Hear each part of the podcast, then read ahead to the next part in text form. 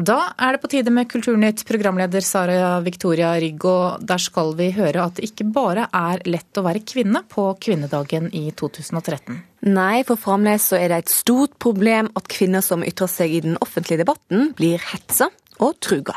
Teatersjef Nina Wester har mottatt grove trusler etter at hun sa hun ikke ville prioritere egne stykker Folk og røver i Kardemomme by ved Hålogaland teater.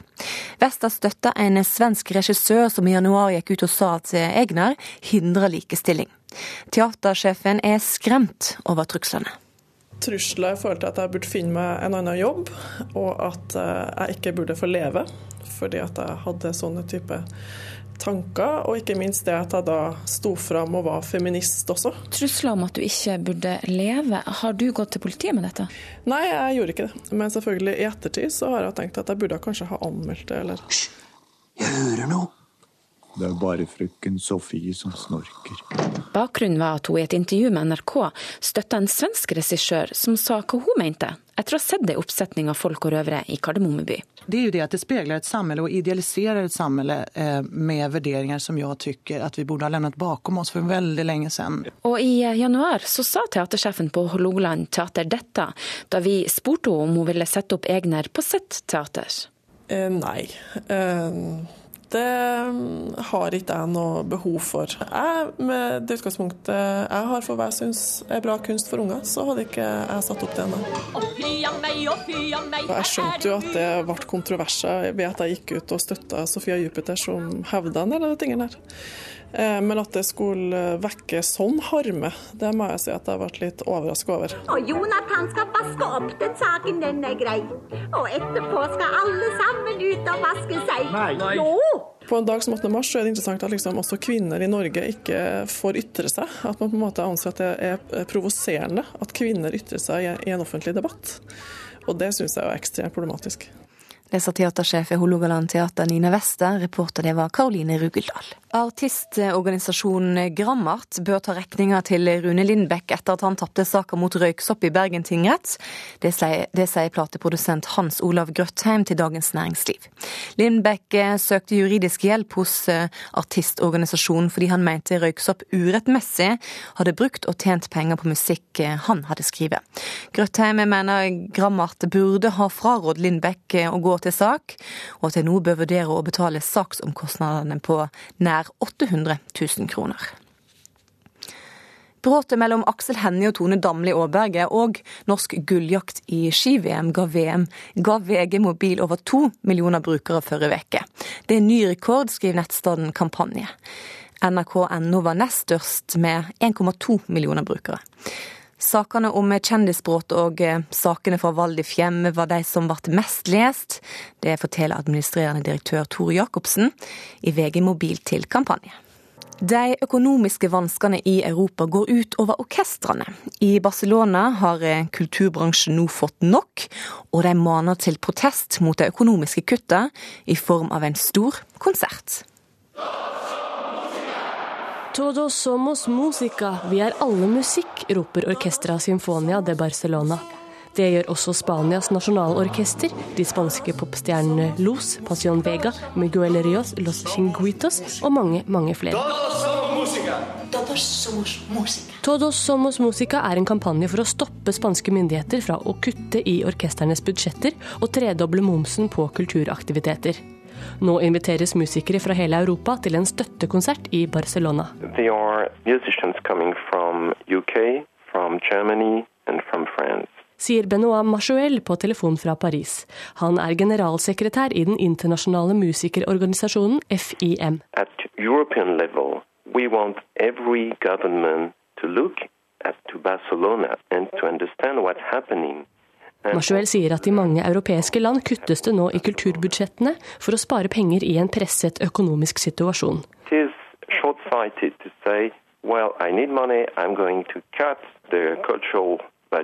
Men det er kortsiktig tenkning. Det tar 30 år å bygge opp et orkester, og kun et par dager å legge det ned. Fjerner man den levende musikken, blir det også mindre inntekter til f.eks. taxisjåfører, restauranter, produsenter av musikkutstyr osv.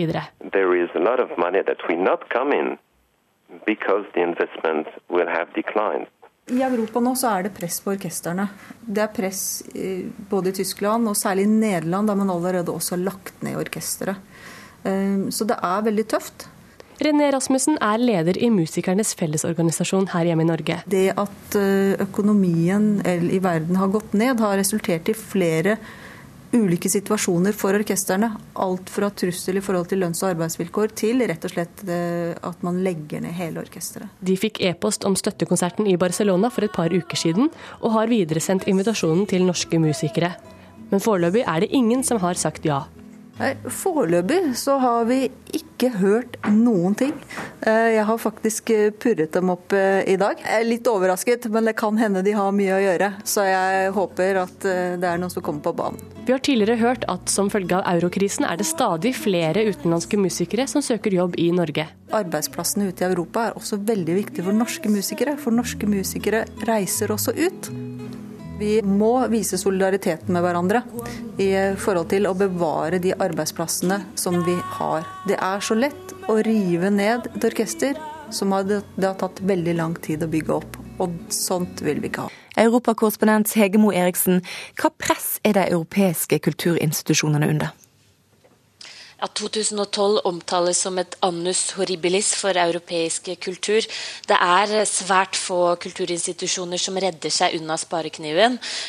Statistikken er eh, veldig dyster. I Portugal for eksempel, så er kulturbudsjettet kuttet med rundt 40% I Nederland med 25% i Spania 30% og i Hellas 35% sånn at det er eh, veldig store kutt det dreier seg om. Og det er klart at dette er penger som, eh, som er eksistens livsgrunnlaget for orkestre, teatre og kunstnere ute i Europa, som nå er i ferd med å bli borte.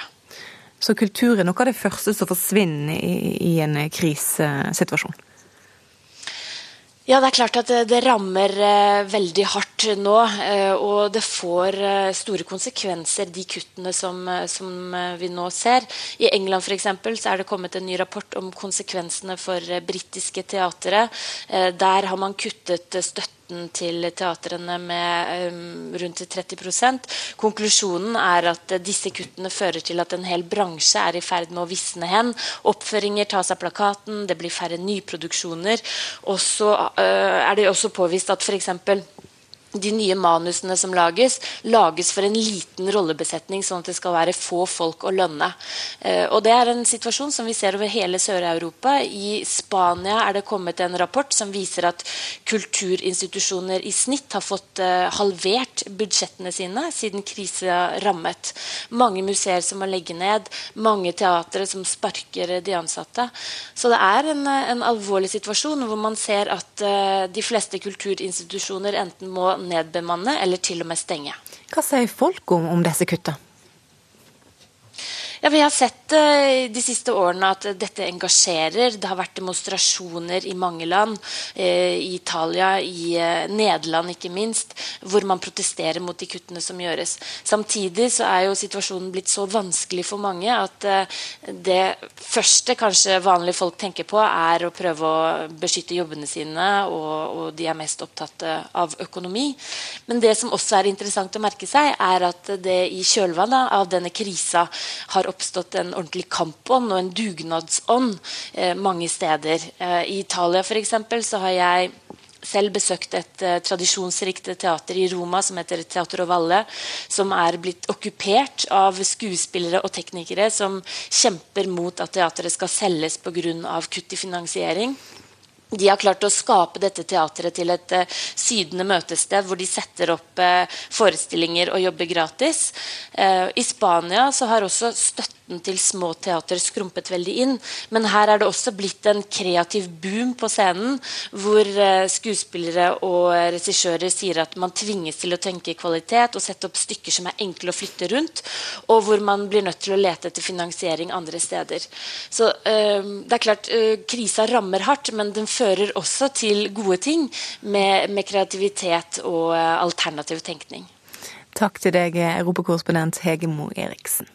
Et eh, symfoniorkester bestående av eh, bare kvinner skal åpne Røysterett-jubileet 2013. Og det skjer på Kilden i Kristiansand i kveld.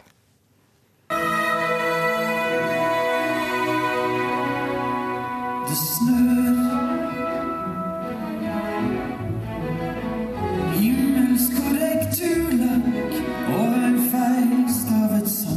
Anne Grete Preus under gårsdagens prøver på scenen i Kilden teater- og konserthus, med et symfoniorkester bestående av bare kvinner i ryggen.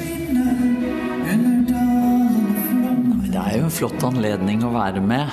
Eh, Det er selvfølgelig Det låter veldig flott av bandet. og eh, Det er fint å være med på denne feiringen av de mulighetene som våre formødre og forfedre også har eh, gitt oss. Så det er litt, det er litt spesielt å, å se at det er så mange kvinnelige Eller at det er bare kvinnelige musikere i orkesteret, da. Eller i symfoniorkesteret.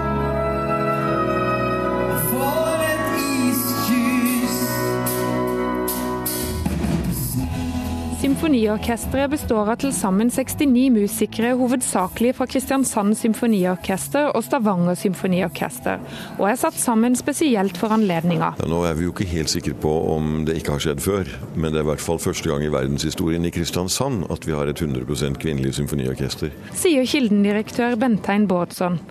For to år siden fikk han og Kilden oppdraget med å lage festforestillingen som markerer starten på stemmerettsjubileet 2013. Det er i år 100 år siden norske kvinner fikk stemmerett, og på scenen i Kristiansand i kveld står bl.a. artister som Karin Krogh, Wenche Myhre, Tine Ting Helseth, Katzenjammer og Nora Nord. Vi er vel til sammen eh, På den kvelden så er vi vel over 100 artister. Og eh, for å si det sånn, 99% av dem er kvinner. For hva er det forestillingen skal vise? Det viser at kvinner kan. Det har jo vært sånn i noen hundre år at eh, festkonserter har vært bekledd av bare menn.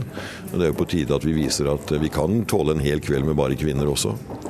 Men du som er mann har regien, hvordan har det vært å ha regien for alle disse damene? Det har vært veldig moro. Det har vært fantastisk gøy. Alle artistene vi har henvendt oss til, har følt seg både beæret og vært fryktelig glad for at nettopp de har blitt spurt. Mer orkester! Det er nok! Haldis Rønning fikk oppdraget med å dirigere det kvinnelige symfoniorkesteret for to år siden. Jeg vet ikke, jeg var ikke sånn her eh, sånn overstrømmende sånn jeg tenkte å ja, ja, det er litt fiffig og sånn, og vi tenkte ikke så mye over det. Men, eh, men det, var, det var ganske sånn overveldende å møte orkesteret for første gang nå på mandag. Det var, det var noe helt spesielt og utrolig artig, altså.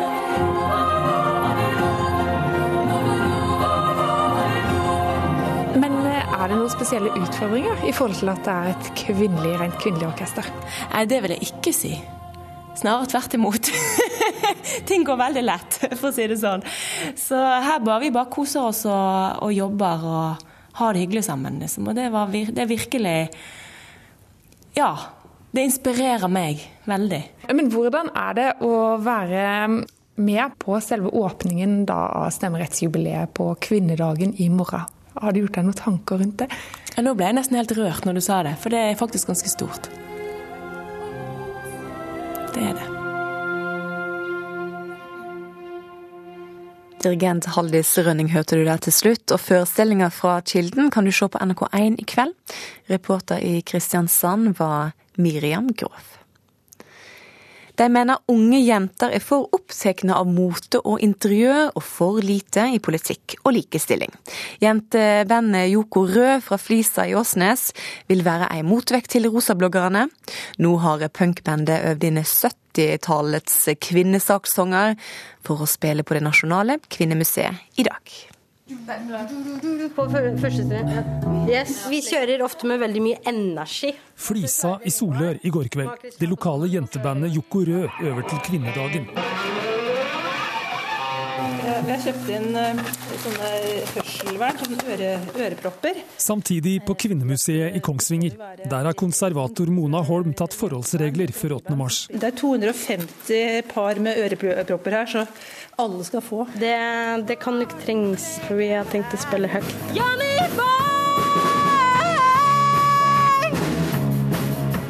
I år så jobber vi veldig mye med å se på hvem som har stemmer eh, i, i dagens samfunn. Og det er helt tydelig at eh, ungdommen de, de stemmer ikke så mye som de burde gjøre. Og, og de har ikke heller så veldig stor interesse for politikk. Og vi ønsker å mobilisere så mange som mulig av ungdommen til å bli interessert. Og det 8. mars-festen vår, er, da håper vi at mange ungdommer også kommer til oss. Siri Bredesen instruerer de tre andre medlemmene i Joko Rød. Jentebandet med en hane i kurven syns det er viktig at også ungdommen engasjerer seg 8. mars. For det er kanskje mest blant de yngre som ikke tenker at denne dagen har noen betydning lenger. Du trenger ikke nødvendigvis å markere en slik som, som Kvinnemuseet gjør i morgen, men bare det å faktisk tenke litt over kvinners vilkår rundt omkring i verden. Bandmedlemmene i begynnelsen av 20-åra etterlyser mer ungdommelig engasjement, og har ikke noe til overs for at mange bruker tid på rosablogging. Nei, ikke blogging i hvert fall. og kanskje ikke akkurat mote heller. Jeg tror, jeg tror kanskje på mange måter at vi ikke er uh, typisk opptatt av interiør og, og moter heller, um, eller blogging. Da. Punk, grønn, litt funky tider. Jeg har vært på black metal-konsert, og det blir vel neppe verre enn det. Sier kjønnsforsker Berit Bråten, som kommer til Kongsvinger for å holde foredrag i dag. Hun sier det ikke står så dårlig til med engasjementet blant dagens unge jenter, sjøl om mange er opptatt av moter og interiør. Det er mange som er opptatt av det, akkurat som det var mange som leste ukeblader på 50-tallet, og 60- og 70-tallet. Og det går jo fint an å være opptatt av, mote og samtidig være opptatt av å bekjempe vold mot kvinner. Jeg opplever at det er veldig mye engasjement blant uh, unge mennesker.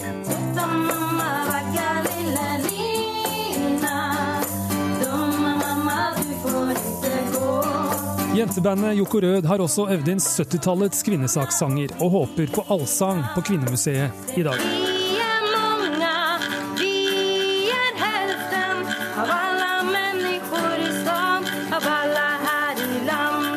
Veldig mange som sier at det ikke er vitsig, men det er fortsatt visse ting som må på plass. Mange kvinner sine vilkår ikke like bra som i Norge. Så jeg syns det blir litt for gærent om ikke Norge skal markere dagen. Å, jenter, å, jenter, vi må Reporter var Stein S. Eide.